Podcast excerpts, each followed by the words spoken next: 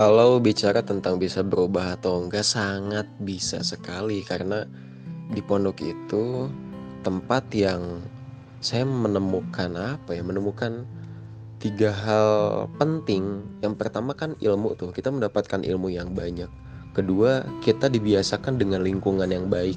Ketiga ya kan kita uh, me mempicu pikiran kita untuk jauh lebih dewasa.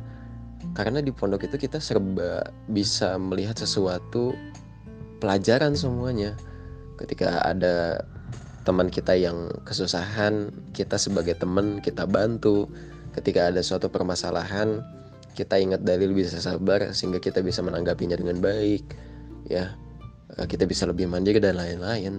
Dan itu semua pendukung untuk akhlak kita bisa menjadi baik untuk karakter kita untuk bisa jadi lebih mandiri secara pemikiran kita jauh lebih bisa dewasa.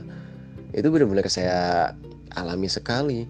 Dulu yang tadinya saya mungkin ibaratnya uh, serba serba mamah tul uh, mamah terus yang yang ngurusin entah baju entah persiapan apa pun ya kan ada tugas segala macam dibantu lagi dibantu lagi dengan di pondok ya di situ benar-benar apa di dituntut untuk melaksanakan semuanya sendiri ya kan? Tapi itu membuat diri saya jauh lebih jauh lebih bagus ya kan? Secara pemikiran. thank you